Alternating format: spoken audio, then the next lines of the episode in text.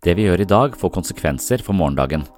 Følger vi impulser og følelser uten å tenke oss om, kan det hende at vi får vanskeligheter på lengre sikt. Det kalles horisontproblemet. Jeg kan la være å kildesortere i dag uten at det får synlige konsekvenser. Jeg kan fly til Italia og bo på en vingård i fantastisk natur og spise indrefilet på verandaen i solnedgangen. Jeg etterlater et digert klimaavtrykk, men de umiddelbare konsekvensene uteblir.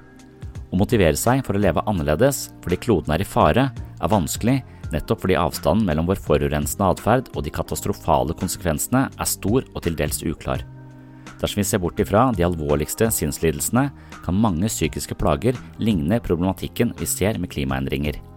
Det er tusen små unnvikelser, utsettelser eller unndragelser som til sammen blir et stort problem langt fremme i horisonten. Grunnen til at vi ikke gjør noe med det umiddelbart, er fordi vi knapt kan skimte de uheldige konsekvensene i øyeblikket. Hør mer om dette i episode 185 på min podkast Sinnssyn.